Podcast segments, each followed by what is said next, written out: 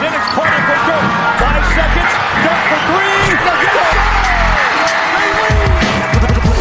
Zaj, nincs egyszer a végén, ha battog a spalding. Minden nap élmény, blokkok és zsákok. Na gyere megmutatom, ez NBA szerelem Keleten, nyugaton, robban a zaj Nincs egyszer a végén, ha battog a spalding. Minden nap élmény, blokkok és zsákok. Na gyere megmutatom, ez NBA szerelem Keleten, nyugaton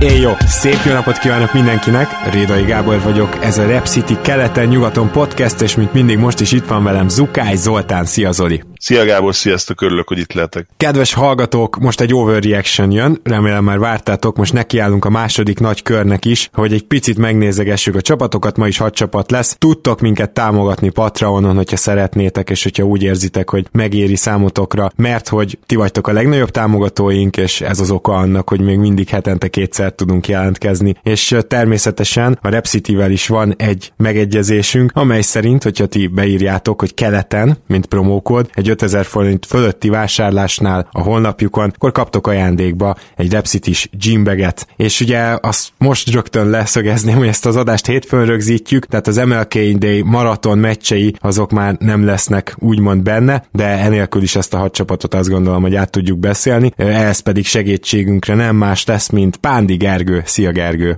Sziasztok, örülök, hogy itt lehetek én is, és remélem, hogy jó adás lesz ebből. Szia Gergő, én is üdvözöllek. És hát reméljük, hogy Gergőnek igaza lesz, mert a, a csapatok azok biztos, hogy jók, amiket választottunk olyan szempontból, hogy külön érdekességgel szolgálnak a mostani időkben. És egy anekdótával kezdeném az első gárdánkkal kapcsolatban. Ez ilyenkor egyébként csak ilyen kulissza háttérinfo, hogy a Zoli meg a Gergő se tudja, hogy melyik csapattal kezdünk, úgyhogy nekik is izgalmas lesz. Szóval van egy gárda, amelyik minden évben az első két hónapban olyan picit 50% fölötti, néha annál is jobb teljesítménnyel rukkol elő, de nem igazán elit. A fiatal sztárjuk és a center sztárjuk sem szokta gyorsan kezdeni az idényt, de aztán valami megváltozik december végén, és aztán januártól elkezdenek elképesztő winstrékeket csinálni, és a védekezésük feljavul a liga legeslegelejére, és az utolsó 5-6 meccsig tart is ez a jó forma, aztán az utolsó 5-6 meccsből általában háromszor kikapnak, de ez már nem számít, és nyugat elején végeznek. Hát nyilván kitaláltátok, hogy a Utah Jazzről van szó,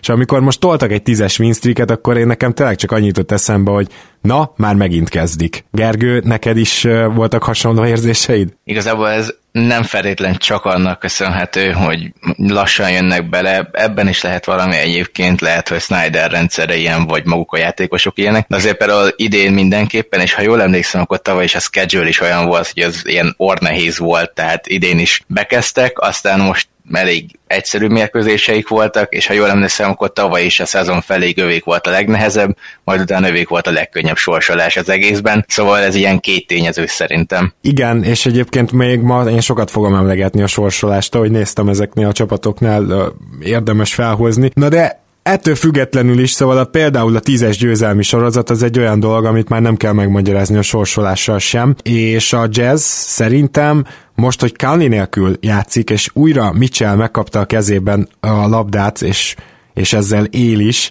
gyakorlatilag két legyet üt egy csapásra, mert Káni beépítése valljuk be, hogy úgy tűnik nem sikerült, így a szezon első felében, viszont Mitchell meglehetősen szenvedett, és amióta ő gyakorlatilag az irányító, azóta ő is felemelkedett, abszolút egy nagyon, nem is tudom, legalább négy hete nagyon jól játszik, és a százalékai is emelkedtek, az asszisztjai természetesen emelkedtek, nyilván Káni nélkül. A másik pedig az, hogy egy picit így el lehet odázni azt, hogy Kánit hogy építik majd be a visszajön a sérüléséből, és én úgy érzem, nem tudom Zoli egyetértesz hogy ez így még talán jó is, mert most akkor kisebb lesz a nyomás Kánlin is, és a jazzen is, hogy ez működjön, lehet, hogy csak a padról hozzák az elején, lehet, hogy most lesz idejük szép lassan beépíteni, és talán Kánli is visszatalálhat így a régi formájához. Én nem vagyok abban biztos, hogy nem mondtad ki most szó szerint, de úgy írtad körbe az egész Kánli kérdés, mintha ez egy egyértelműen kellemes probléma lenne. Én nem vagyok ebben teljesen biztos, de cáfoly rá, hogyha félreértettelek volna. Az az igazság, hogy Conley szerintem egy olyan szempontból problémás piece lehet puzzle darabka, hogy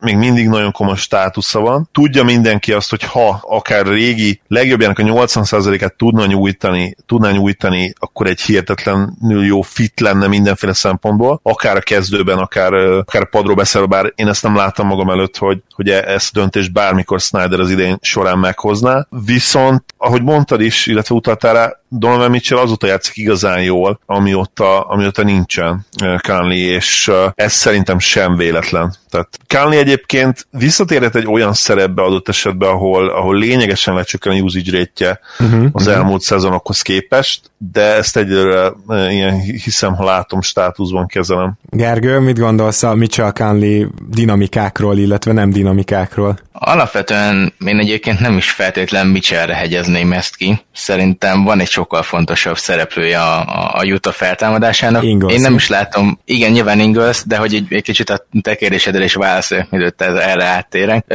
Mitchellnél szerintem nem annyira figyelte meg ez a feljavulás, az asszisztjai megvannak, de például a, százalékol, a százalékok, a pontátlaga az ilyen állandó, hogyha megnézel egy ilyen hónapról hónapra splitet például, akkor kvázi azt látjuk, hogy még, majd, még a, a százalékai visszábestek Conley nélkül, mióta ki, kiesett, és én éppen ezért inkább mennék arra, hogy viszont van egy Ingles, aki pedig zseniális mióta bekerült a kezdőbe, és mióta ugye Conley kiszállt. Ő úgy kezdte, hogy az első 21 meccsből egyszer kezdett, de nyilván az azért volt, mert azt hiszem Bogdanovics volt, akkor pont sérült. 7 pontot hozott, 3,5 asszisztal, és mindösszesen 30%-os triplával. A triplának szerintem nincs túl sok köze feltétlen Conleyhoz, az inkább egy slam volt, inkább az assziszt szám az, ami, ami, ami érdekes lesz, és mióta bekerült a kezdőbe, ez pedig a következő 21 meccs, mert hogy pont 42 meccsnél tartanak, azóta 15 pontot hoz, és 50%-kal triplázik, ami meg egy tarthatatlan kategória, azért bármennyire jó keze van, de ami nagyon fontos, hogy 6,2 asszisztal, és egyébként a játék perce nem olyan szignifikánsan nőtt meg, két-három percet, ami nem feltétlen okozná azt, hogy ugye duplájára nőtt az asszisztszám, és ez egy nagyon fontos dolog, hogy, hogy Ingles megtalálta magát, és vele nekem egyelőre mindenképpen sokkal jobban tetszik a Utah Jazz, illetve az, azt nehéz majd meghozni azt a döntést, hogy most akkor hagyja a Snyder ezt a padot, és bízon abba, hogy azzal, hogy jött egy Clarkson, aki egy scoring punchnak azért elfogadható, és így nem kell Ingles visszatenni a padra, vagy pedig tényleg azt, azt kell meghúzni, hogy Conley menjen a padról, azt viszont én se látom egyelőre magam előtt, szóval én se feltétlenül azt mondanám, hogy ez egy nagyon egyszerű kérdés, valamit ki kell rá találni, de én Ingles semmiképp nem venném ki a kezdőből, és akkor azt kell meg, meggondolni, hogy akkor Conley maradjon a padon, vagy pedig rábízzuk Clarksonra azt, hogy a pad vezére legyen, ami meg annak ellenére, hogy nem rossz scoring punch, azért elég bajos is lehet. Hát igen, ebben egyet kell, hogy értsek, csak egy picit a, a Mitchell százalékaira reagálva, elsősorban ugye arra gondoltam, hogy amióta nincsen Conley, azóta ő egyedül sokkal többet tör be, és bár a triplája tényleg visszaesett, és azt is el tudjuk képzelni, hogy egy ilyen ballhandről nehezebb triplákat kezd el vállalni. Tripla százalékban volt nála egy visszaesés, de a gyűrű közeli befejezéseket gyakrabban is tolja, és emellett hatékonyabb is. Tehát eh, igazából erre gondoltam, de egyébként egyet tudok ezzel érteni, és valóban ilyen szempontból hatalmas dilemma lesz, hogy mit csinálsz, hogy visszarakod-e a padra Ingles, mert uh, Roysonért nem nagyon lehet lerakni a padra. Ez, nagyon gy- gyorsan tegyük hozzá egyébként, hogy Conley szombaton visszatért a Kings ellen, és a padról állt be, de kérdés azt, hogy, hogy ez még ilyen óvatosság volt Snyder részéről. Hát azt gyaníthatjuk, vala, igen. Vagy valami, amit hosszú távon is láthatunk. Én, én az előbbire tippelnék azért. Valahogy még nem láttam magam előtt, pedig egyébként egyértelműen szerintem ezen a ponton az észszerű döntés lenne. Hm? Na és mit szóltak akkor a Roysoni hosszabbításhoz? Ez eh, elég jó dílnek tűnik, nem? Ja igen, egyrészt nagyon jó, hogy így hármasban vagyunk, mert ugye az egyik azt hiszem három pontos tippem a Hot Predictionsnél az volt, hogy lesz három ilyen hosszabbítás, és akkor most már ebből megvan az első szezon közben, ami nem rookie deal meghosszabbítása. Egyrészt ezt csak így most gyorsan az orrotok alá dörgölném, másrészt akkor mit szólunk ehhez? Tehát az, hogy évi 8 millió egy 3 játékosnak, szerintem itt mindenki jól járt. Én röviden lezárnám ezt a, ezt a választ egyértelmű. A legjobb korban gyakorlatilag O'Neill 26 éves, a következő négy év lesz valószínűleg karrierjének legjobb évei 8 millióért megvan, megvan a mérete ahhoz, hogy hosszú távon is nagyon jó wing védő legyen. A triplát is bedobja, még nem dob rá annyit, mint amit valószínűleg fog majd a következő években, de, de bedobálja idén, úgyhogy abszolút ez az évi 8-9 millió szerintem teljesen, teljesen reális és fair. Gergő? Igen, szerintem is ez egy tökéletes szerződésnek tűnik, még talán azt mondanám, hogy lehet, hogy Onir többet is ki tudott volna ebből hozni, de, de jut a szempontból ez egy nagyon jó döntés volt, és ugye nagyon sokan csak azt szokták mondani, hogy ő csak defenseben jó. Emlékszem, volt egyszer pont néztem egy Utah meccset, és valamelyik ellenfél kommentátorival néztem, nem tudom kik voltak, de ők mondták, hogy hát igen, igen, hogy, hogyha tudna mondjuk triplázni O'Neal, akkor ők megértenék, hogy miért játszik, és akkor így néztem ki a fejemből, hogy Csávó 44%-kal dobja a triplát, oké, okay, nem olyan sok kísérletből, de hát ennél hova akarunk többet, úgyhogy, úgyhogy ez mindenképpen egy jó deal volt, és hosszú távon lehet ott egy meghatározó játékos, nem, a meghatározót úgy értem, hogy meghatározó kiegészítő, ha ennek így van értelme, valamennyire talán van. Abszolút. Akiről én viszont mindenképpen akarok beszélni, az megint csak Rudy Gobert, aki ugye talán a legalul értékeltebb mm, játékos az egész ligában, ugye all sem volt még, idén is mindenképpen el akarják tőle venni a DPO címet, DPO, tehát Defensive Player of the Year címet, pedig szerintem még mindig kimagasan ő a legjobb védő az egész ligában, és nem csak, hogy védekezésben, hanem támadásban is mindig megkérdőjelezik azt, hogy ő neki milyen impactja van, és hát rohadt nagy impactja van. Most nem néha becsapós ugye ez az on-off ratingek, stb., de azért azt tegyük hozzá, hogy 17,3 ponttal jobb a jazz, mikor Rudy Gobert a pályán van. Ez gyakorlatilag...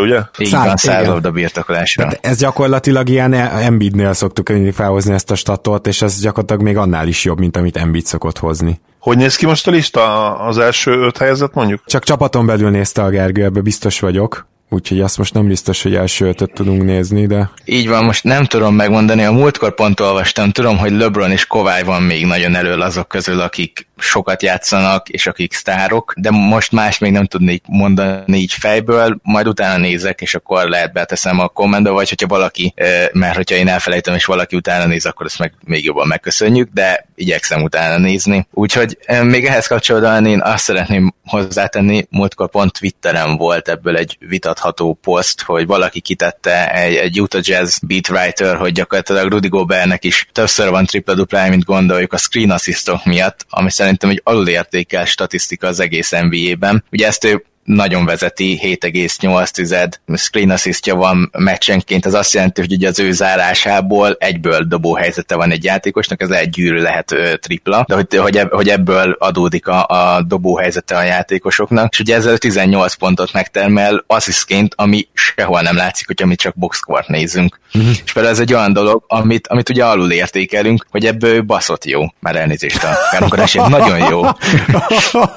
ez, ez, nagyon jó, ezt a hagyom akkor is megy év végére, mert ez olyan hirtelen volt, és annyira meglepődtem. Zoli, bármi még a jazzzel kapcsolatban? Maximálisan egyetértek Gergővel, Rudi Goberrel kapcsolatban. Tényleg, ha kellene egy nevet mondani, aki a liga legalul alul értékeltebb játékos, az valószínűleg ő lenne nálam is. És akkor Gober az All-Star a jazzből, és nem Mitchell, ha csak egy mehet az All-Star gálára? Uh, igen, id- idén, idén én még abszolút Gobert, Gobert raknám be egyértelműen. Főleg csak azért is, mert ő még nem volt. Mitchell se volt, még mondjuk lehetséges. Hát nem, mondjuk ő neki az a harmadik éve, úgyhogy ő még lesz. Hát meg nyilván más poszt, sokkal népszerűbb poszt, illetve játékstílus, úgyhogy már csak azért is most már tényleg ideje lenne díjazni Rudit. Igen. Jó, én, én mást nem akarok hozzáfűzni, hanem menjünk át egy olyan csapathoz, amelyik szintén hát hosszú távon látja maga előtt a játékosait, mert a nagy részük le van kötve, és az egyik, akiket, akit lekötöttek a nyáron, ez nem más, mint Kyrie Irving, akiről már olyan plegykák is felmerültek, hogy egyáltalán nem is tér idén vissza, aztán egyszer csak azt vettük észre, hogy visszatért, és hát volt ugyan kettő rosszabb meccse, most megnézegettem szinte az összes mérkőzését, de egyébként statisztikailag megint elképesztő formában van, mint hogyha nem is hagyott volna ki semmit. Az más kérdés, hogy Nets már megint losing streakben van, úgyhogy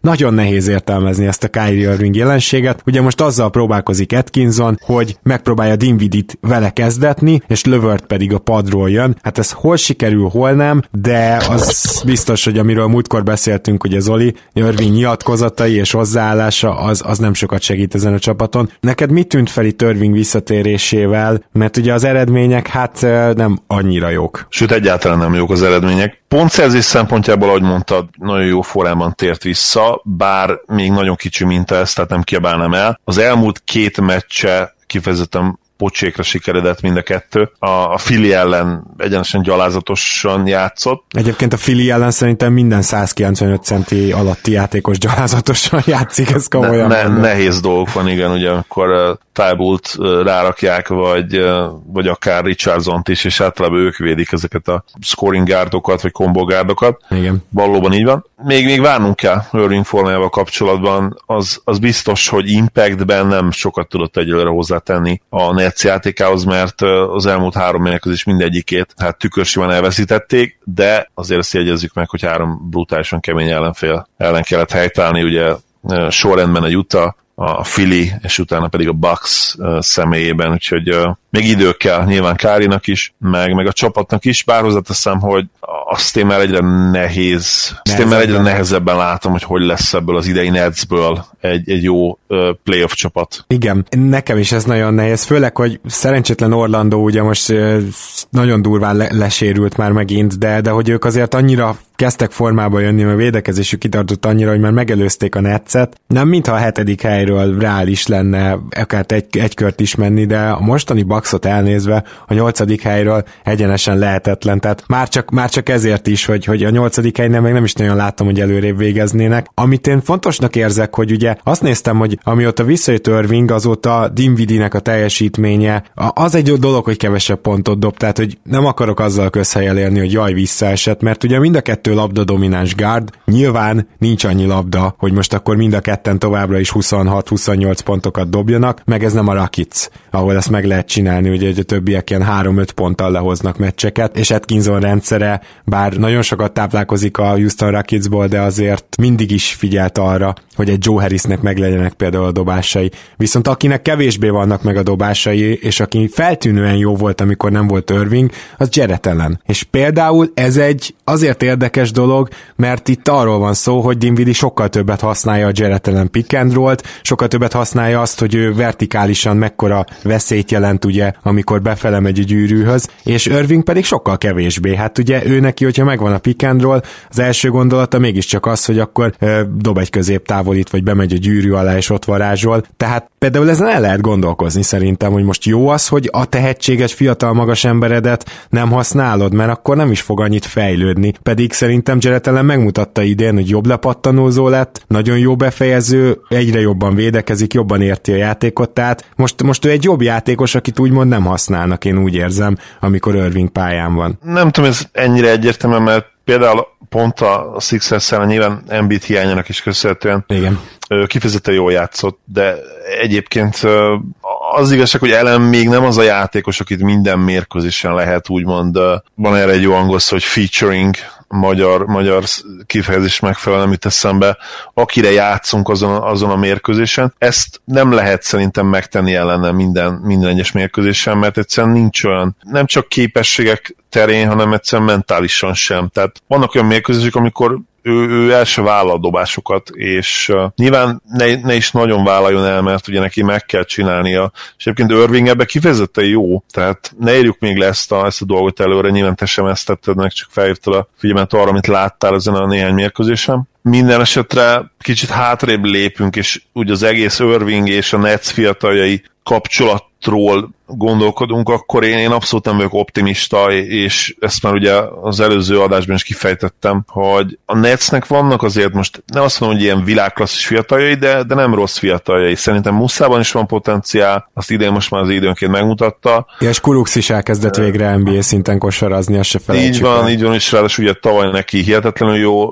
újonc szezonja volt, úgyhogy lenne itt miből építkezni, nyilvánvalóan nem sztárokról beszélünk, de nem is kellene ugye sztárokról sztároknak lennie, viszont ahhoz, hogy a Durant Irving féle Nets valaha a maximumának a közelébe kerüljön, ahhoz bizony nagyon is kellenek ezek a fiatalok, és, és a töretlen fejlődésük, és nem csak, hogy az lenne ideális, hogyha nem akasztanák meg ezt a fejlődést, és egyelőre Irvingről beszélek, de később majd Durantról is beszéltünk nyilván, hanem az egy olyan közeg, egy olyan szituáció, atmoszféra kellene, ami inspirálja őket, segíti őket, hogy még jobbá tudjanak válni, ami, ami azért egy, egy sztár mellett, vagy sztárok mellett szerintem alapvető kellene, hogy legyen, és én ezt nem érzem a, a Netsnél több okból sem. Az egyik, és valószínűleg a legnagyobb ilyen ok, az Kyrie Irving. Mm, meg valószínűleg az se segít, én azt gyanítom, hogy ez semmilyen versenyhelyzet nem lesz. Talán az Orlandóval versenyezhetnek a helyet, de egyébként le, óriási szakadék van utánuk is, valójában előttük is, tehát a, a Magic mostanában. Pistons már három beleségre van egyébként tőlük, de nehéz elképzelni azt, hogy, hogy a Pistons most akkor innentől kezdve mondjuk 50% környékén lehozza a szezon hátralévő részét, mert valószínűleg az kellene ahhoz, hogy Igen. egyáltalán legyen esélyük. Igen. Gergő, mit gondolsz a, a Netsről, mik a benyomásaid egyáltalán Irving visszatéréséről? Igen, nem mondhatom magamra lesz, hogy egy igazi Irving fan vagyok, aki hallott már ebbe a podcastba, azt ezt tudja. De kicsit azért meg kell, hogy védjen, tehát hogy kicsit úgy hangzott talán a hanglejtésből, mint hogyha itt ő rontott volna el mindent, azért azt látni kell, hogy itt a Brooklyn teljesen a földbe állt, a, ami az utóbbi egy hónapban körülbelül. Ugye előtte nagyon jól néztek ki, Irving nélkül is ment a szekér, aztán itt volt egy hetes vereség széria, ami pont egy az Irving visszatérés előtti meccsen a Miami ellen tudtak megszakítani, de elkezdett azért nagyon durván be, leesni mindenkinek a szám, hogy Dinvidinek is, a, az egész csapat úgy kezdett rossz, nagyon rosszul kinézni. Én e, azt is el tudom képzelni, hogy ezért Irvinget kicsit hamarabb hozták vissza, mert, mert olyan váratlanul egyszer csak megjelent Irving, hogy egyébként ő játszana. Úgyhogy én ebbe egy kicsit felmentem, mert lehet, hogy még nem is teljesen egészséges, nem is nagyon tudja, hogy hogy illeszkedjen vissza, stb. Az, hogy a csapat morájának ő nem tesz jót, az nyilvánvaló tény, és én abban is látok rációt, amit mondott Gábor, hogy, hogy Jellet ő nem fog jót tenni, mert sok mindent el lehet mondani Irvingről, de azt nem, hogy ő az a tipikus Ali passer és a magas embereket jó helyzetbe hozó játékos lenne. Igazából világéletében nem is, a Bostonban nem is nagyon volt ilyen, ugye most egy Horfordnak nem tudta Ali feltenni. Clevelandben meg James volt, aki játékszervező volt, ő mindig is scorer volt, és nem hiszem, hogy ő egy pillanatra a másikra ebben jó lesz. Még ha Bostonban voltak is egyébként jó passz szituáció, de azok sem ezek a gyűrűnél való kiszolgálás volt volt, legalábbis ahogy én láttam őt. De ennek ellenére nyilván én ezt még még pont négy meccs telt el, mióta visszatért, tehát nem nagyon mennék erre rá, de azért mindig eszembe jut, hogy mikor jött a Kyrie Irving igazolás, akkor írtam nektek mm, pont chat, chaten, hogy hát igen, igen, látom magam előtt, hogy Kyrie Irving kiesik a szezon végén, a fiatalok nyomnak egy nagy playoff rant, majd amikor visszatér Durant, aki sérülés után nem lesz az igazi, akkor egy évre rá cserét fog kérni, gyakorlatilag, mint ahogy az a Bostonban is történt, és egyelőre egyébként ez simán van esély, hogy ő jövő nyáron, amikor látja, hogy Durant el ez nem megy, akkor egyből menekülni fog, mert hát ez is szar, úgyhogy körülötte mindig minden szar, menni kell tovább. Mm. Egyébként, amit a Brooklynról érdemes szerintem elmondani, elmondanunk, hogy még a, egy csomó dologba visszaestek, de, de van egy ilyen állandó jellemzőjük, DeAndre Jordan miatt elsősorban, tehát hogy még neki is van pozitív hatása, ez egy baromi jól lepattanózó csapat. Mondtam, hogy ugye ellen is fejlődött ebben. És um, például ezt egy Utah Jazz ellen abszolút nem tudták érvényesíteni, tehát Gober olyan szinten leuralta őket,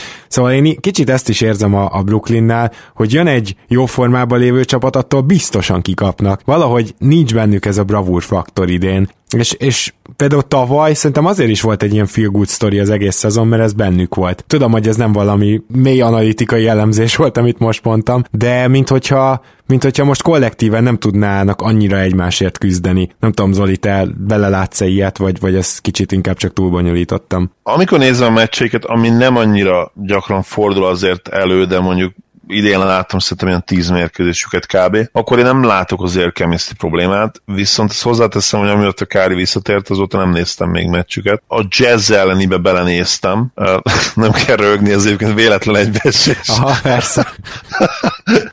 nem tudom, még erre is azt mondom, hogy várjunk, de, de simán el tudom képzelni, tehát mindenbe beleillene, amit én mondtam, meg amit én vallok, ugye Kyrie Irvingről jelen pillanatban, ami hozzáteszem, hogy azért lényegesen negatívabb, sötétebb jövőkép, mint akár egy évvel ezelőtt volt. Igen. Jó, szerintem menjünk tovább, és vándoruljunk át nyugatra, ahol a szezon egyelőre legrosszabb csapatáról is ejtünk egy pár szót, ez a Golden State Warriors, és külön beszéltem itt veletek, hogy, hogy just for fun, tényleg tegyük már őket be, mert, mert az a helyzet, hogy az elmúlt időkben a Warriors a sok-sok vereség ellenére, ugye most egy győzelmet is beszettek már a hullafáradt Orlando ellen, szóval, hogy a Warriors néha fan tud lenni, néha, néha tök poén őket nézni, és az a helyzet, hogy most az a kellemesebb tankolási fázis van, amikor nem olyan szörnyű a csapat, és nem minden meccsen 35-tel kapnak ki. Kezd egy kicsit Steve Körnek a rendszere összeállni, a játékosok is beletanultak, és talán most már a Warriors drukkerek, már nem azok, akik most már Lakers és Bucks meccseket néznek, de ők valószínűleg nem is hallgatják ezt a podcastet,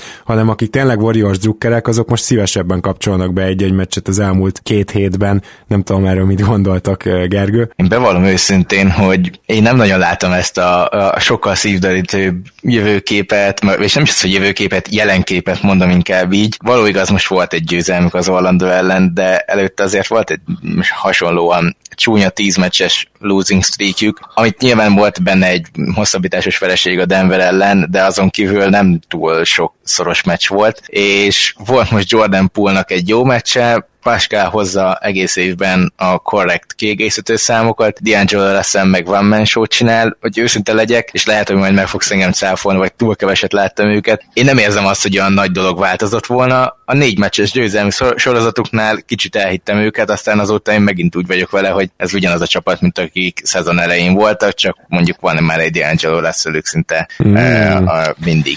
Hát igen, de azért van például egy Damian Lee, aki teljesen jogosan kapott teljes szerződést ugye a two-way-ből őt átkonvertálták, szerintem tök jó teljesítményeket tud hozzárakni. Glenn Robinson számomra úgy néz ki, mint aki jövőre is benne lehet a csapatban, lehet, hogy csak csereként, de, de például ő most menti meg a karrierjét, és hogyha, hogyha megnézed azt, hogy például Passál azért rukiként hozza ezeket a nem csak a látványos zsákolásokat, látványos betöréseket, hanem ugye elereszti a triplát is, tehát hogy egy biztató alapot látsz itt, akkor ez olyan szempontból gondolom kellemes tankolásnak, hogy még mindig a legnagyobb esélyed lesz ugye az egy per egyre, de emellett viszont most már talán van miért nézni a csapatot, mert amíg, amíg azért nézted, hogy na Jordan Poolból lesz a játékos, akkor ugye kellett egy 15-20 meccs, amíg azt mondtad, hogy hát idén ebből biztos nem lesz játékos, egyébként szerintem amúgy se, de, de most, meg, most meg szerintem vannak ilyen apró fény csóvák, hogy úgy mondjam. Nem tudom, Zoli, te melyikünk oldalán vagy inkább?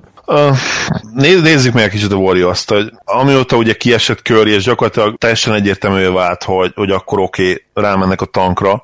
Azóta nyilván kimondva kimondatlan az a cél, hogy a fiatalokat fejleszék, illetve, hogy, hogy azokat a kiegészítő embereket, akiknek jövőre szerepük lehet, azokat is megnézzék. Ugye nyilvánvalóan már mostaninál sokkal jobb csapatban. Nagyon sok függ attól, hogy mit tudnak majd csinálni ugye D'Angelo russell Az ő szezonjáról is elcsünk egy szót, mert szerintem ez nagyon fontos, hogy, hogy milyen trade chip jelen pillanatban D'Angelo. Én azt gondolom, hogy, hogy egészen jó szezonja van. A tavalyi tudta folytatni a tavalyi szezon második felét pontosan, és, és látszik az, hogy ő tényleg azért egy ilyen borderline all játékos. Nem nagyon tudott előre lépni, bár nyilván az idei warriors azért nehéz lenne ezt megmondani, de, de elég vonzó célpont lehet olyan csapatoknak, ahova kell periméter, sztár, vagy legalábbis olyan játékos, akiből esetleg lehet sztár. Én azt gondolom, hogy D'Angelo ilyen, és, és ez tök jó. Ebből a szempontból siker a Warriors eddigi szezonja. A másik játékos pedig, akiről beszélnünk kell, az, az egyetemen Erik Passál. Azért beszélünk róla, mert ő tényleg egy újonc,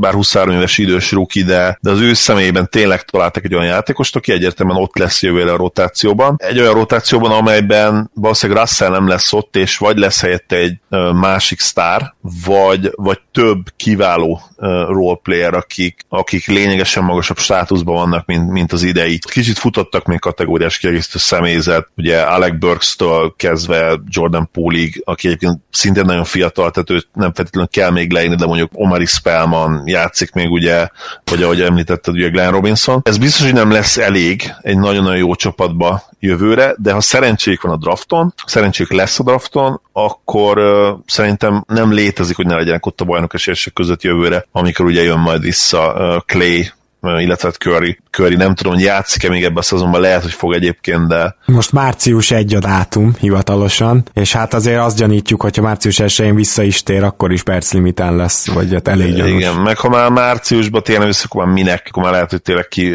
kiülni a, a szezon. Persze nyilván tőle függ, tehát a Steph azt mondja, hogy játszani akar, akkor Steph játszani fog, ez ennyire egyszerű. Hát meg azért a Golden State-nek van egy pár bérletese, akivel nagyon nagy kicseszés lenne, azt gondolom, hogyha egész szezonba kiülne. Igen, és ugye tudjuk, hogy idén már azért nem feltétlenül nagyon nagy különbség az, hogy mondjuk az övék a harmadik legrosszabb mérleg, vagy az első legrosszabb mérleg, elég hasonló, hasonló esélyek lesznek a drafton mindkét szenárióban. Gergő, van-e bármi, amit még esetleg velük kapcsolatban így észrevettél, és említésre méltónak találsz? Igazából szerintem mindent megbeszéltetek. Én is úgy gondolom, hogy a, a legnagyobb pozitívum az, hogy D'Angelo Russell talán egy kicsit elkezdte visszahozni ezt az értékét. Én egyszer már volt, amikor Golden State-ről beszéltünk itt a podcastben, akkor úgy láttam, hogy mint hogy kicsit bepunyat volna a... a Persze, hát szarul a, kezdett. Tehát ebbe, a, szal, ebbe a Igen. rossz csapatba. Igen. És, és most, mint hogyha megint kezdenek kicsit magához térni, jobban, jobban élvezni újra a játékot. Akiről viszont ez szerintem nem mondható el tovább, és az Draymond Green, aki szerintem alig várja, hogy vége legyen ennek a szezonnak, mert én esküszöm, hogy úgy látom, hogy fizikai fájdalma van attól, amikor ez a csapat látja, hogy hogy védekezik, meg hogy játszik úgy egyáltalán. Igen, Greennek a testbeszéde is fura, meg, meg hát, hogyha megnézitek azt, hogy milyen átlagokat hoz, és most tényleg nem azt, tőle én nem várom azt, hogy 20 pontokat dobáljon, tehát sose volt ilyen típusú játékos, attól, hogy kiesnek mellő a sztárok, attól nem tud ebbe a szerepbe belépni, de megnézitek azt is, milyen hatékonysága van, tehát hogy ilyen, tényleg ő végig alibizi azt a szezont, ezt szerintem így nagyjából ki is lehet jelenteni, és, és hát most például nyilván nem fog szóba kerülni a Defensive Player of the Year szavazáson, lehet, hogy most egy darab szavadatot sem fog kapni, ami valahol nagyon furcsa, nyilván ez a 20 valahanyadik helyen van a védekezésben a Warriors, tehát nem, nem olyan meglepő, csak, csak azért gondoltad volna ezt egy Raymond Greenről, akármilyen csapatban? Szerintem nem. Jó, hát akkor menjünk át keletre ahol a Milwaukee Bucks egy olyan szintű dominanciát kezd így mutatni, hogy őszintén szólva, én bennem felmerült a gondolat, hogy meg lehet nekik a 70 győzelem, és ezzel a kérdéssel fordulnék akkor most először Zolihoz. Bennem is egyébként, és ugye a Pace, uh, Pace, amin vannak most jelen pillanatban, az pont 70 győzelem környékén van. Az teljesen egyértelmű, hogy, hogy a 73 az, az elszállt, az innentől kezdve kizár dolog, de gyakorlatilag uh, kis túlzás egy hét alatt összejött az a három vereség, ami nyilván őket ismerve idén nem fog, de, de a 73-9 az szint, szinte tényleg esélytelen innen. Viszont a 70 győzelem, az a 69-70 az abszolút reálisnak néz ki még mindig. Ami a Bucksnál hihetetlen, hogy van egy koreográfiája a meccs meccseiknek, és azt elképesztő mennyiségben, ki 10-ből 9-szer így történik. Még pedig az, hogy az első fél időben 20 pontos előnybe kerülnek, a harmadik negyedben esetleg még hozzátesznek egy kicsit, és utána hátradőlnek, és ezért nincs mindig kiütés. Van, amikor marad a 20-30 akár 40 pontos különbség, van, amikor még feljön az ellenfél, a kiengedő Baxelen a negyedik negyedben, de nyerni így se tud, és hogy ez tényleg a dominanciának az egyik félre érthetetlen, értelmezhetetlen jele, hogy mindig rongyávered nyitásnak a, a, az ellenfeledet, és, és szinte, hogyha kikapsz, akkor azért kapsz ki, vagy, vagy hogy szoros lesz, azért lesz szoros, mert meg kiengedsz. Elképesztően dominánsak, és Middleton is, Jannis is, szerintem talán élete legjobb szezonját futja mind a kettő. Igen, a dominancia az nagyon jellemző őket, tényleg elképesztően sok olyan meccsük van, ami garbage time-mal ér véget. Szerintem, sőt, biztos vagyok benne, hogy a 73-9-es Golden State óta nem volt olyan csapat, ami ennyiszer tudott egy egész negyedik negyedre kiültetni a játékosait. Nyilván ehhez hozzátartozik az, hogy, hogy azért, ahogy beszéltünk is róla, érintőlegesen a Brooklynnál, hogy bár nincsen nyugaton se feltétlenül nagy véres öldöklés, mint mondjuk tavaly, de, de azért a csapatok erőssége még így is jobb, mint mondjuk ami van keleten. Ugye a Milwaukee Bucksnak idén eddig a legkönnyebb a sorsolása, amivel valami, egy kicsit azért belenyom azt, hogy nyilván saját magukkal nem kell játszaniuk, és ez ugye hozzátesz ehhez a strength of schedule-höz, de hozzátenném, hogy például a maradék sorsolás nem erővék lesz a 14. legnehezebb, és például lehet, hogy emiatt kicsit máshogy fog kinézni majd a, a szezonnak a vége, hozzátéve azt is, és akkor már így a harmadik önellentmondást csinálom, hogy egyébként 50% feletti csapatok ellen idén növék a legjobb mérleg, ugyanis bár csak 15 meccsük volt ilyen, abból 10 megnyertek, úgyhogy ez egyébként jól néz ki, nem feltétlen kellett félniük, amit viszont tényleg el kell mondani, hogy Janis még jobb, mint tavaly, és Middleton pedig ö, ott kopogtat az 50-49-es, 50-40-90-es klubnak az ajtaján, ami az ő usage azért megsüvegelendőbb, mint mondjuk tavaly a még szintén Milwaukee is Brogdoné volt. Körülbelül egy éve megkérdezték Middleton-t, hogy az akkori Bucks, hogy hogyan lehetnek ilyen jók, és akkor adott egy olyan választ, hogy hogy igazából nincs egyetlen seggfej sem a csapatban a, a rosteren, és én még mindig úgy érzem, hogy ez a kulcsa annak, hogy ez a Bucks mennyire jó. Akármikor látom őket játszani, az az érzésem, és ez az érzés jobban megvan benne, mint bármelyik másik csapatnál beleértve az én Mavericks-emet, amiknél szintén egyébként megvan ez, ez a úgymond életérzés, hogy ez a csapat, amiket nézik, az egy nagy család és ha, ha le tudnánk pontozni tényleg a, a chemistry a kémiát, a csapategységet, meggyőződésem, hogy a Bucks első helyen végezne. Minden egyes játékos örül minden egyes kosárnak gyakorlatilag. Mikor valaki olyan játszik, akinek nem feltétlenül jut sok játék perc, vagy egy kiegészítő ember egy nagyon nagyot húz, lehet, hogy szó szerint egy zsákolással, vagy van egy, van egy szép triplája, együtt gyakorlatilag egy emberként örülnek neki, és, és pont ez egyik oka annak, hogy Jannis nélkül is egyébként mennyire jó ez a csapat, és amikor jön egy, egy Jánisz, aki, ahogy Gergő mondta, gyakorlatilag a tavalyi szintre is rá tudod pakolni egy lapáttal, és ezt hozzáadod ehhez a tökéletes elegyhez, akkor kapsz egy ilyen ultra domináns csapatot, amelyik engem nem lepne meg, hogyha idén a rájátszásban is egyébként feljutna, felérne a csúcsra, és attól függ, attól függ, hogy mit történne a nyugati play nyilván nagyon előre szaladtam. Azt is el tudom képzelni, hogy, hogy masszív favoritnak tartom majd őket a döntő előtt, független attól, hogy, hogy valamelyik Los Angeles-i gárdával kell szembenézniük, vagy egy, nem tudom, egy, vagy egy tökéletes jazz, jazzzel akár, vagy, vagy bármilyen csapattal tényleg. Csak nem állom meg, hogy ne dicsérjem egy kicsit Badenholzer rendszerét, mert az alapszakaszra egyszerűen, amit csinálnak, az annyira tökéletes, hogy, hogy ez ilyen, ez már túlmutat szerintem azon a bizonyos Atlantán, amihez azért nyilván Budenholzer miatt hasonlítgattuk korábban is őket. Tehát nyilván teljesen más abban is, hogy itt van egy darab szupersztár, akire fel kellett húzni a játékot, de, de maga ez az elf, hogy tényleg a, a saját palánkunkat védjük. A Bucks úgy harmadik lepattanó százalékban, hogy 28. támadó lepattanó százalékban. Na, hagyok időt. Nyilván nem kell mondani, hogy védőlepattanókat messze ők szedik a legjobban. Ebből, ebből azt hiszem, hogy mindenki levágta ebből a statisztikából. Természetesen továbbra is blogban is, stilben is, a Liga Elite-ben vannak. Az, az se kell szerintem nagyon mondani, hogy turnovereket is ki tudnak kényszeríteni, és még mindig az van, hogy igen, sok, elég sok triplát engednek az ellenfélnek, de egyszerűen, mint Gandalf a gyűrű előtt leteszik a botot, hogy itt nem mész át. Igen, és nem, nem hagyják, hogy megbontsák a védelmüket, ő, ők a festéket levédik maximálisan, és nyilván ez is a, annak az oka, hogy, hogy, hogy nagyon jók védőpattanózásban, mert nincs az, hogy tényleg ketten elszállnak egy, egy betörő játékossal, és akkor ott marad valaki tök üresen támadó pattanozni. Ő, ők tényleg lezárják ezt a, ezt a dolgot, a, a festéket, és, és onnan senki nem hozzá el tényleg a támadó pattanokat, ami egy olyan taktika, ami működik, és, és arról tényleg érdemes lenne beszélni, hogy mennyire lehet hatékony ugyanez, ugyanez a taktika a playoffban. Mm. Elvileg annak kéne lenni, tehát a playoffban eddig kevésbé számítottak úgymond a, a sok triplák, vagy ilyesmi, tehát hogy ugye lalassul a játék, tehát kevesebb ilyen flying triple van a playoffban. Mm, elvileg működnie kéne. Papíron igen, egyébként.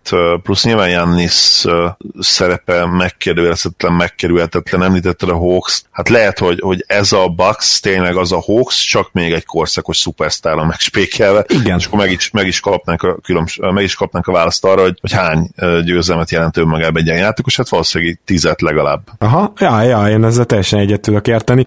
Gergő, van-e valami, amit esetleg mostanában feltűnt a bucks kapcsolatban statisztikailag, amit néztél, amit meg szeretnél említeni. Dontéról mesélj kicsit, ha nem te, akkor majd én fogok. Ja igen, mert az úgyis egy nagy adósságunk, mert őt sikerült kihagynunk ugye a másodéves uh, vacsunkból. Jó, na mindegy, először akkor adom Gergőnek, és akkor majd Dante Di Vincenzo-ról sem feledkezünk meg. Én, én más emberre térnék ki, és az Brook Lopez, akinek nagyon érdekes a szerepe, mert ugye tavaly megjött úgy, mint egy igazi sharpshooter, gyakorlatilag legjobb triplázójuk volt talán, hiszen óriási volumennel játszott, és nagyon jó sült a keze, ehhez képest idén is ugyanúgy csak üres triplákat dob, és 29%-ra visszaesett ez a százalék, és ennek ellenére is nagyon hasznos, ugye az advanced statok nagyon szeretik, mert hogy védekezésben azt, amit kér tőle Budenholzer, azt tökéletesen végrehajtja, és Szerintem ez a legmeglepőbb, mert emlékszem tavaly, mikor Brook Lopez leigazolták, akkor pont volt egy e, Milwaukee is beharangozottak, amikor ti is mondtátok, hogy jó-jó, de Brook Lopez hogy fog beférni a kezdőbe, hát ilyen védekezéssel, hogy lenne ő, ő, ő kezdőjátékos. És védjük is meg magunkat, mert szerintem semmi el nem utalt erre.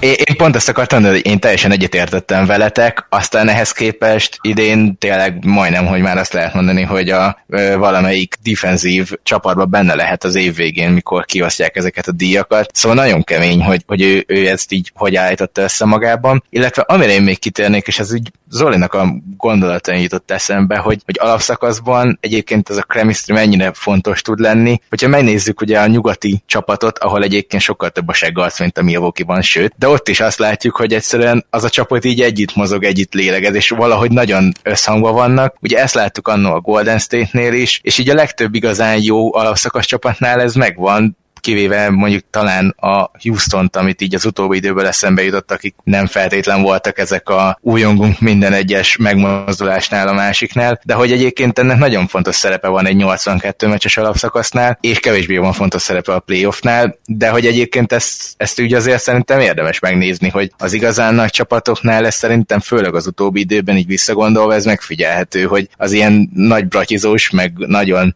jól el vannak a pályán, hogy ez mennyit számított az alapszak szakaszban. Ta, talán az utolsó csapat, amelyik bajnoki címet nyerhetett, úgyhogy nem volt elsőrangú kémia csapategység, lehet, hogy a, lehet, hogy a, a lakers voltak. Ott, ott tényleg olyan szintű talentum volt, és, és annyira jól működött az a rendszer, amit ugye Phil összeállított, Phil Jackson, hogy azzal is a, a liga fölé tudtak kerekedni, de róluk ugye tudjuk, már akkor is tudni lehetett, meg utólag is nyilván retrospektív, hogy nem volt tökéletes a, a kémia. És akkor beszéljünk egy kicsit Don, Tontéről, Donta Di Vincenzóról, aki hát szenzációs idén, minden advanced stat imádja a gyereket gyakorlatilag, és basszik az elsődleges indok annak, hogy most már nem is nagyon emlékszünk arra, meg nem, nem hánytolgatjuk fel, hogy miért, miért engedte el Malcolm Brogdon-t a, a Bucks, mert tökéletesen pótolja, ha nem is pont ugyanazt a szerepet, de valami nagyon hasonlót, ugye floor spacing, védekezés terén mindenféleképpen, nem annyira jó playmaker, ez teljesen egyértelmű, de, de Jannisnak idén ugye megnövekedett még több a usage rate még jobb lett, a csapategység még jobb lett, még több bevetető játékos van, így nincs is arra feltétlenül szükség, hogy, hogy valaki olyan jó playmaker legyen még ott a főjátékosok mellett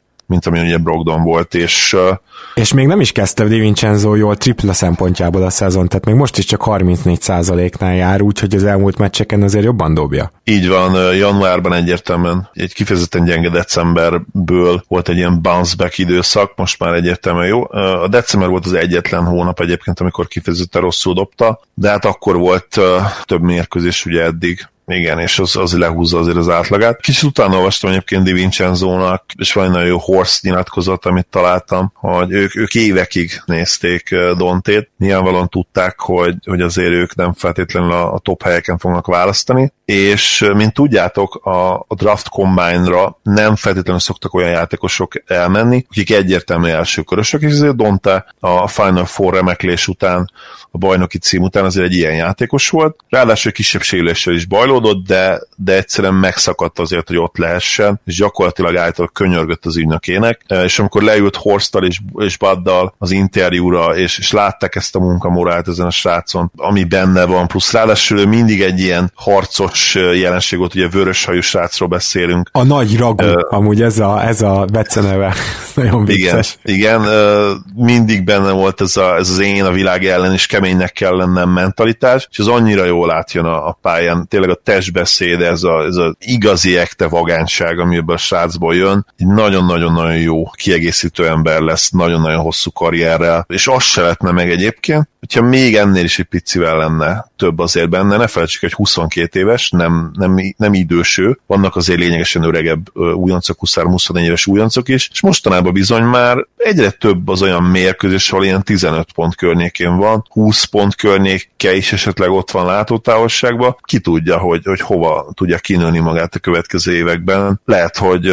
hogy egyértelmű harmadik számú opció lesz mondjuk már jövőre. Hát ez, ez bátor volt, de egyébként én is oda akartam kiukadni, ugye most másodéves, tehát egy körülbelül két év múlva szerződést kell neki adni, addig azért meg kell majd mutatnia, hogy benne van ez a potenciál, és hogy, hogy vajon nagy szerződést kap-e a Bucksnál. Figyelj, hogyha át akarják alakítani, lehet, hogy Bletz, sőt, hát szerintem egyértelmű Bledsoe-ról mondanának le, úgyhogy ki tudja. Hát jó, csak bledsoe most egy darabig még megy ez a szerződés, Hát ugye? igen, igen, mondjuk, hogyha főleg ha, ha sikeresek, akkor nyilván. Mm, viszont jövőre akkor a negyedik számú, egyértelmű negyedik számú opció lehet. Lehet, hogy egyébként már most is negyedik számú opció, bár most talán még Brook, inkább Brook Lopez az.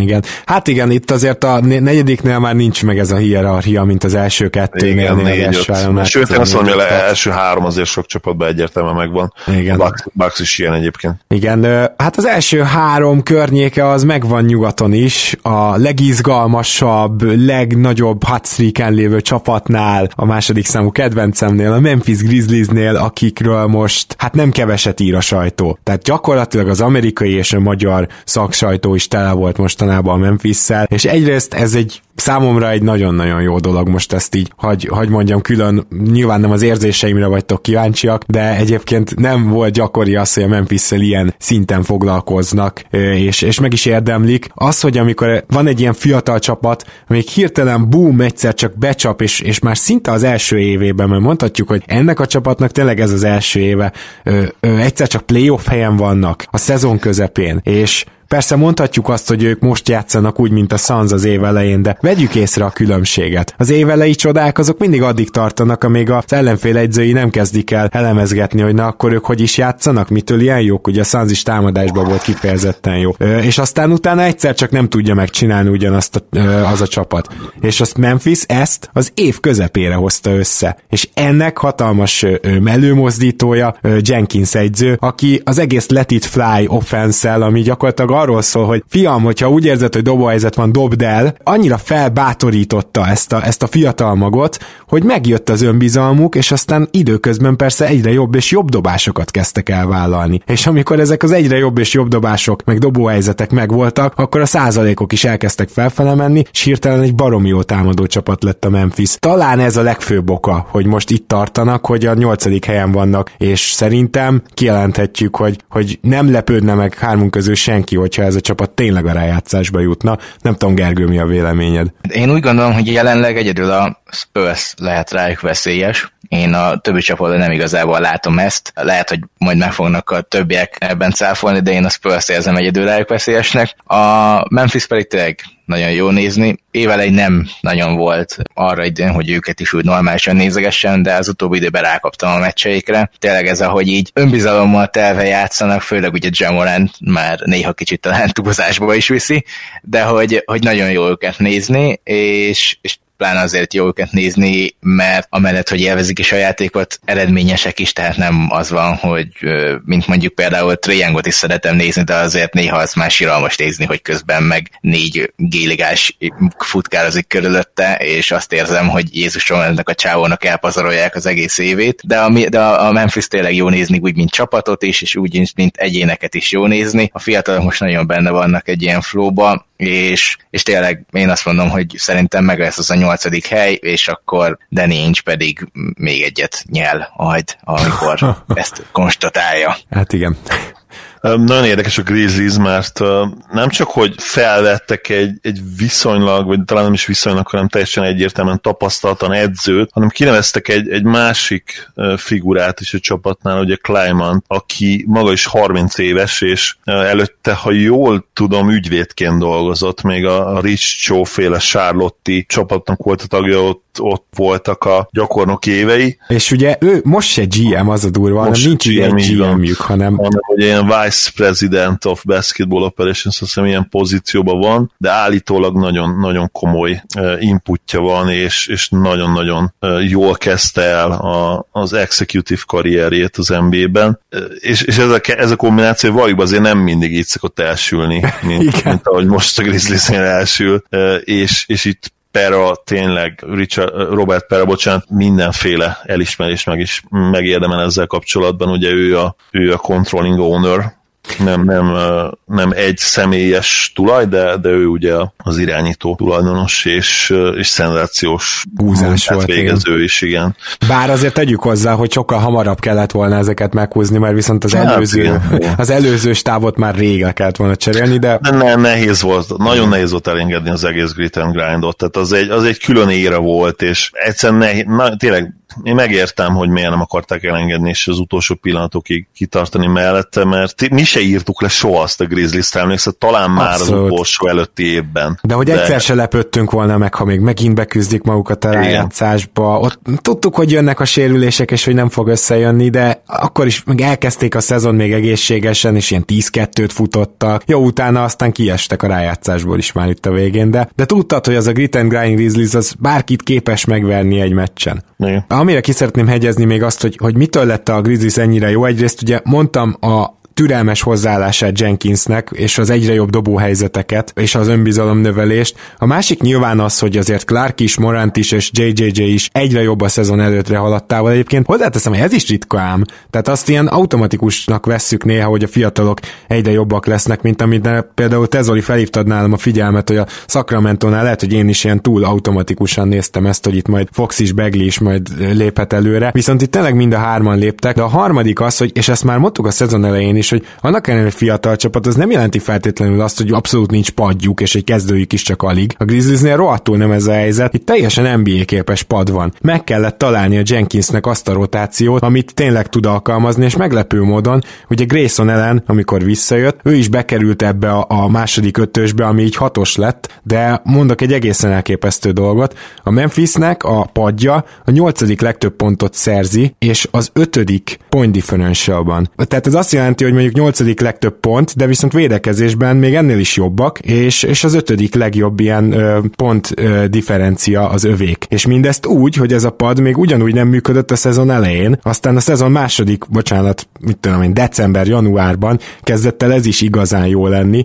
szóval ez valószínűleg ez a mutató éppen felfele tart, mind a kettő. És erre tényleg érdemes náluk felhívni a figyelmet, hogy milyen rohadt mélyek, és ha valakinek esetleg nem megy annyira mondjuk támadásban, ha egy Jake Crowder éppen nem dobálja be a triplákat, akkor majd egyszer csak megjelenik egy Solomon Hill, és bedob hármat. A JJJ nem dobja be a triplákat, akkor jön egy Blendon Clark, és dob 20 pontot. Szóval ez a mélység, ez azért az alapszakaszban, mert sokszor mondtuk, hogy sokat számít, és, és most is ez a helyzet, úgy érzem. Minden egyetértek, azzal nem, hogy meglepetés, hogy Grayson ellen betört, én ugye ezt már nagyon régóta vártam tőle. Ő egyértelműen NBA rotáció játékos, és, és végre, végre most már így bizonyíthatja egy két év után körülbelül.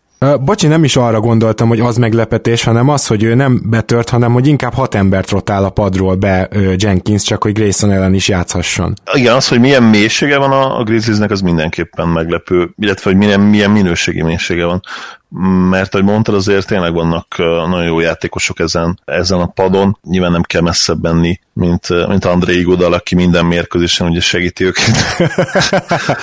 nem, hát szóval itt Melton nagyon-nagyon bejött az, az, az, az kiemelték többen, Tyus Jones elirányítgatja a padot, az, hogy, hogy akár Kyle Anderson, akár Solomon Hill néha hozzá tud tenni, az pont bőven elég, Clark is jó. Na Gergő, neked van-e olyan játékos, akit nagyon szeretnél megemlíteni? Én két játékost emelnék ki, mert mi gondolom, hogy van két állandó szerintem. Jamorant ahhoz képest, hogy ruki, szerintem nem feltétlen fejlődött annyit, amennyi ennyi, ami, ami miatt ennyivel jobb lenne a Memphis. És egy másik állandó, az pedig a másik rukiuk, Brandon Clark, aki szintén ugyanazt a hozzá egész szezonban, és furcsa, hogy pont a rukik a, a két legkiegyensúlyozottabb. Viszont akik nagyon sokat léptek előre, és ők azok, akik miatt igazából a Memphis megindult. Annak Várjál, elég, hogy mondjuk, akkor gyorsan megtippelem, Brooks lesz az egyik. Így van, és Jaren Jackson Jr. a másik. Na, azt hittem mind a ketten... azt mondod. Mert hogy ugye ő is Valancsi, nagyon szarul rosszul kezdett. Így van, őnek is van egy előrelépése, de szerintem Jalen Jackson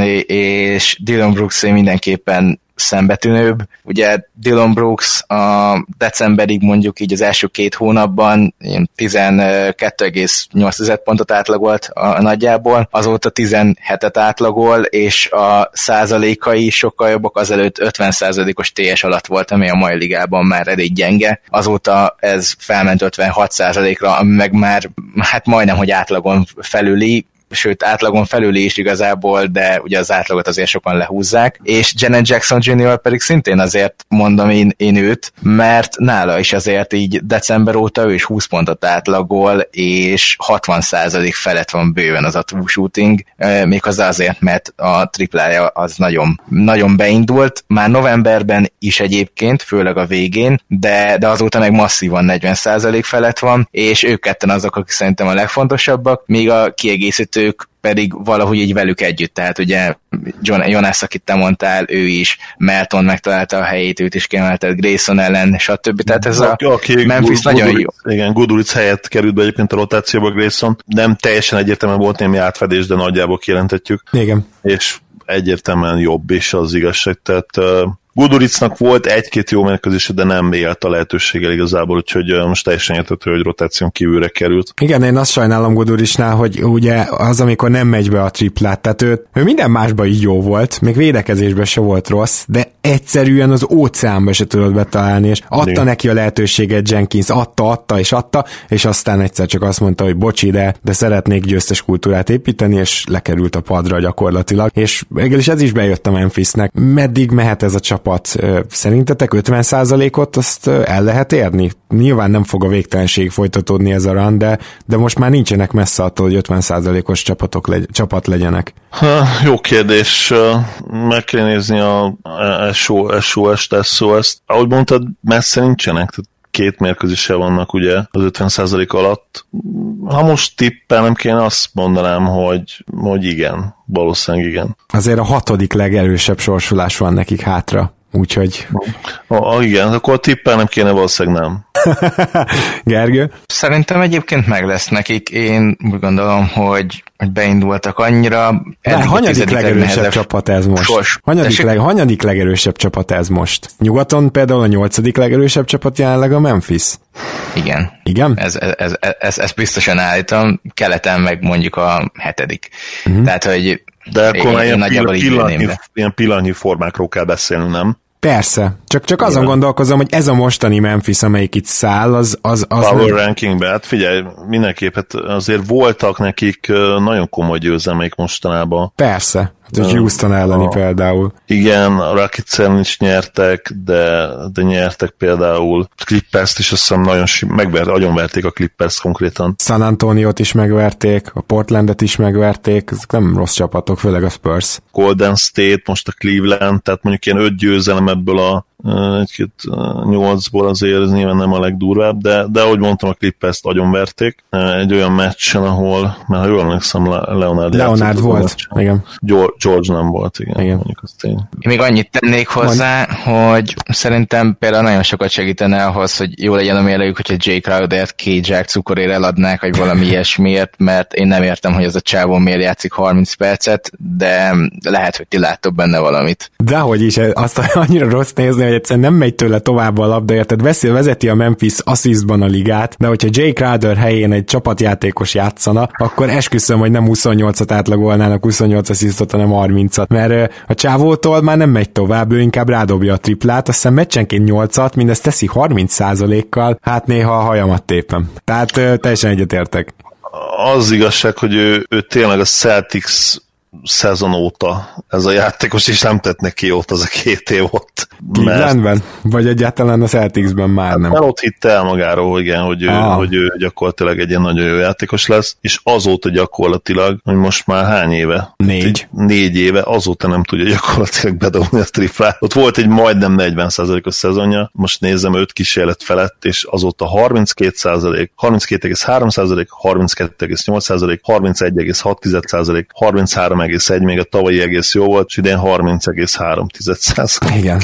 Na ez, na ez, ez a nehéz. Na de mm, menjünk át, mert Jamorantról én most direkt nem beszéltem, mert úgyis lesz ruki vagy hamarosan, majd ott kifejtem meg, hogy az egész Memphis miért emlékeztet olyan szinten engem a Phoenix Sunsra, hogy el sem tudom mondani, a Nashville Sunsra. Szerintem óriási párhuzamok vannak, de ezt későbbre tartogatom. Inkább talán azt mondanám, hogy menjünk át mai utolsó csapatunkhoz, ami a New York Knicks, és amelynél az egyzőváltás egyértelmű, látható nyomokat hagyott. Igaz, Gergő? Nekem, ami a legfontosabb lett volna az edzőváltással kapcsolatban, pont azt nem kaptam meg egyébként, szóval én nem vagyok elégedett Mike Millerrel. Jobban néz ki a Knicks, de én nem értem továbbra. Én Mike Millert sem értem, ugyanúgy, hogy Wiz Fizdelt sem értettem, úgyhogy én nem tudok olyan pozitívan nyilatkozni erről az edzőváltásról, mert nem értem, hogy miért van az, hogy egy Touch Gibson, egy Reggie Bullock, egy nem tudom, tehát hogy minden veteránnak fontosabb játszani, mint a fiataljaiknak, és értem, hogy ő azt hiszi, hogy ettől jobb, több győzelem lesz, de hát ez, ez egy vicc, amit most csinál megint a New York Knicks, annak ellenére is, hogy vannak győzelmeik, szerintem legalábbis. Én ezt megértem, és szerintem például Zoli is osztja ezt a véleményet, de, de azért azt tegyük hozzá, hogy az, az hogy a New York Knicks-en röhögött az egész NBA, annyira rosszak voltak, az, az se volt jó, tehát ez a franchise sajnos nem az, ami megengedheti magának, hogy ennyire lejárassa magát. Ez, ez szerintem nyilván nem sok városban, de New Yorkban egy ilyen plusz faktor. Zoli? Alaphelyzetben egyetértek veled, de az azért azt hozzá kell tenni, hogy most már hozzá kellett volna, hogy szokjon a, a Nix szurkoltából az, hogy ez a helyzet, és már olyan régóta beszélünk erről, hogy már ez a, ez a normális. Hát ez is igaz. De, de az egyértelmű egyébként, hogy, hogy Fizdale, hát azért bebizonyosodott róla, hogy lehet, hogy az egyik legtúlértékeltebb fiatal edző volt a ligában, mert az igazság, hogy ahogy, ahogy ugye cseréltek, egyértelműen tényleg javult a Nix játéka. Jó, de ezt hozzá kell tenni, hogy ez azért edzőváltásoknál sokszor szokott így lenni. Igen, és könnyebb is volt egy picit azért a sorsolás, sőt, még olyan statisztikát is tudok, hogy az töküres csiplákat 4%-kal rosszabbul dobják az ellenfelek az egyzőváltás óta.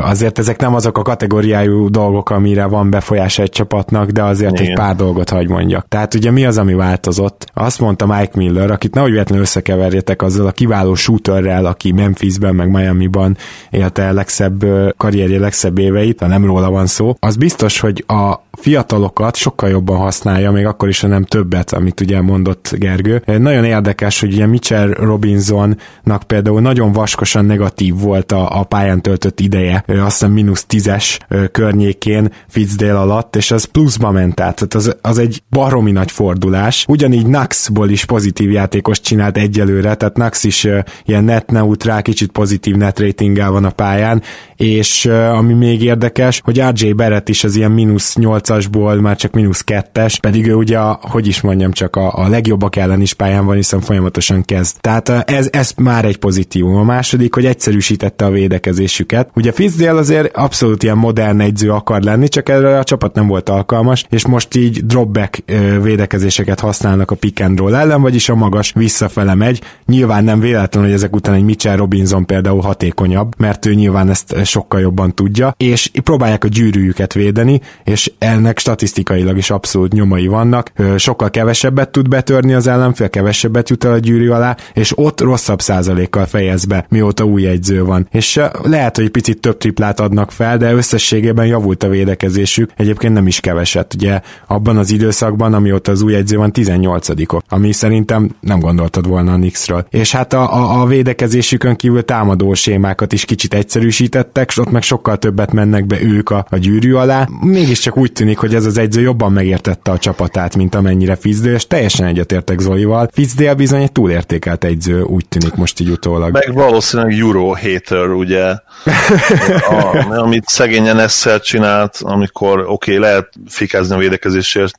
védekezésért Kenter, de azt nem lehet mondani rá, hogy nem egy, nem egy jó katona, mindig beáll a sorba, és mindig teszi a dolgát, amit ő tud. Meg érted, Fizdale berakta RG Beretet kezdő irányítónak, tehát miről beszélünk meg, meg amikor nem volt, nem volt nem állt rendelkezésre egyetlen egy irányító sem, csak Frank, nem Franket játszotta, azt hiszem lehet, hogy pont úgy, ugyanazon a meccsen volt, nevetséges, tehát nem már. Hát Fizdel alapból össze-vissza rotált, sose volt ilyen... Brutális rotáció voltak Hát most, most ugye az van, hogy Nilikina kikerült a kezdőből, viszont egy csomót játszik csak a padról. Szerintem ez mindenkinek jót tett, Nilikinának biztos, és ugye Alfred Payton meg el tud irányítani valamennyire egy csapatot. Nyilván nem kell túl dicsérni ezt a Nix, de szerintem érdemes észrevenni. Payton aztán nem is játszott a Fizdel. De a, igen, a sérült is volt, ezt azért tegyük ja, sérült is volt.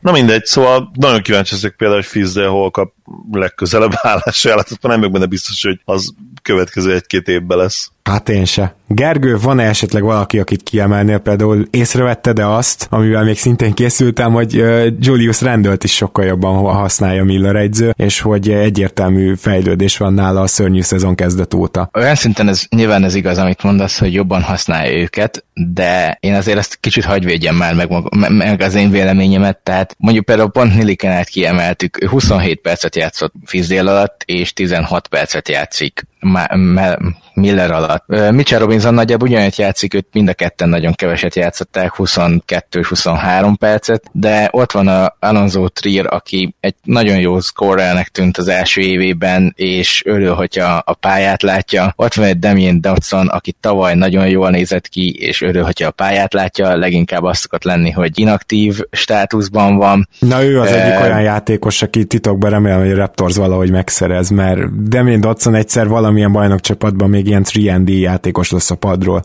Lehet egyébként, mert szerintem is ő nagyon jó, és nagyon jól is dobta ugye a triplát tavaly. Aztán ott van Kevin Knox, akit egyikőjük se használ igazából. Én értem, hogy rossz, de a Nix rossz, ő meg 20 éves, tehát azért lehetne vele próbálkozni. Ugye átlagol kicsivel kevesebb, mint 20 percet, de van, hogy be száll, játszik 6 percet például, aztán a következő meccsen játszik 25 percet, majd megint csak 10 percet, tehát hogy szerintem ez nem normális rotáció, amit Miller csinál, ja. és az, hogy közben meg egy Touch Gibson ott van és kezd a meccse, és az utóbbi időben több meccsen is kezdett, az, az, az szerintem vérciki, tehát hogy most ne játszhassunk, mert Touch Gibsonnal sem jó ez a csapat, tehát akkor már miért nem lehet egy Mitchell Robinson betenni a kezdőben? Hát de nem Mi? lehet, hogy csak amiről Zolival annyit beszéltünk, hogy kirakatba kirakják most őket és árulják a februári deadline előtt? Kinek kell Touch Gibson most komolyan, tehát Hát de Mor- Morris biztosan kell, lehet, jó, hogy már én Morris azt megértem, hogy Morris játszhatja, Morrisnak egyébként nagyon jó szezonja van,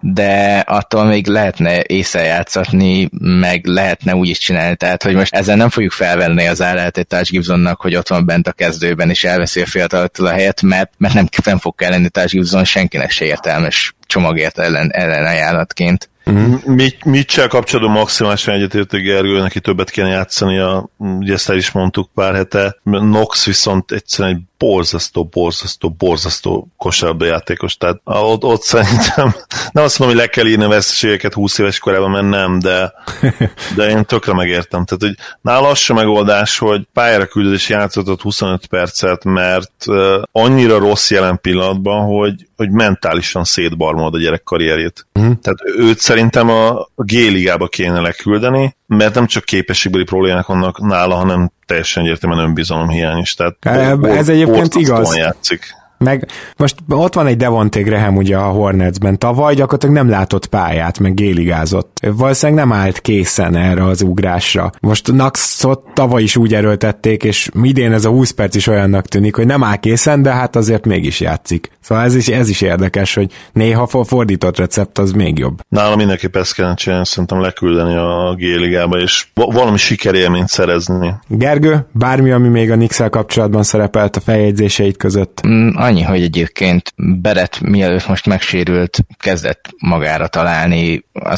szezont elég jól kezdte, aztán ugye a szezon közepén szerintem borzasztó számokat hozott, Igen. majd most az utóbbi pár meccsén, ha nem csal emlékezetem, és nem csal, most megnéztem, akkor most kezdett pont elindulni, úgyhogy remélem, hogy ez így fenn is fog maradni, mert most nézem, hogy a sérülés előtti mondjuk 6 meccsen például már 19 pontot átlagolt nagyon jó százalékokkal, úgyhogy remélem, hogy ez ezt fenntartja, mert igazából továbbra is ő, és talán Mitchell Robinson, de leginkább ő, mert Robinson azért nem lesz sose első számú opció, szituáció a fény az alagút végén, úgyhogy benne kell bízni, és reméljük, hogy inkább ezt fogja folytatni, nem pedig ezt a szezon közepi, hát elég gyengécske játékot. Igen, Berett szezonja összességében nyilván csalódás, de, de vannak olyan, mutatott olyan periódusokat, olyan formát, ami alapján azért lehet egy kicsit reménykedni. Tehát ő azért nyilvánvalóan nem, nem Nox kategória, és, és ő januárban most tényleg kifejezetten, kifejezetten jól kezdett el játszani. Hm. Van egy olyan érzésem, hogy a New York Knicks ez egy hónapon belül visszatérünk, nem overreactionben, hanem azért, mert közeledik ugye a trade deadline, úgyhogy gyanítom, hogy ők szóba kerülnek még minden esetre, ezen a hat csapaton most végigmentünk, és én remélem, hogy elég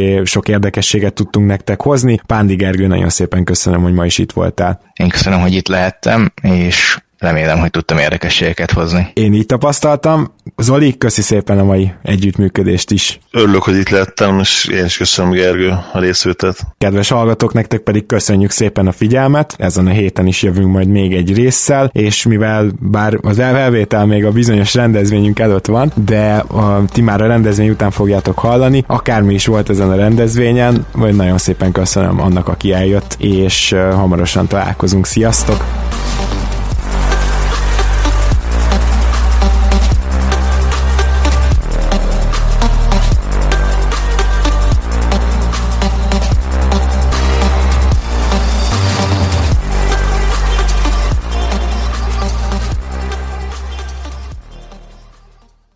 Ha más podcastekre is kíváncsi vagy, hallgassd meg a Béton műsor ajánlóját.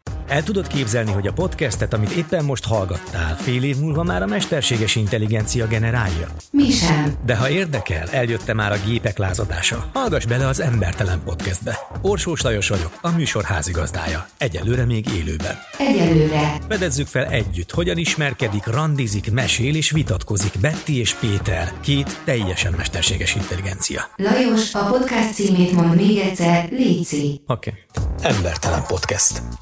Ez a műsor a Béton közösség tagja.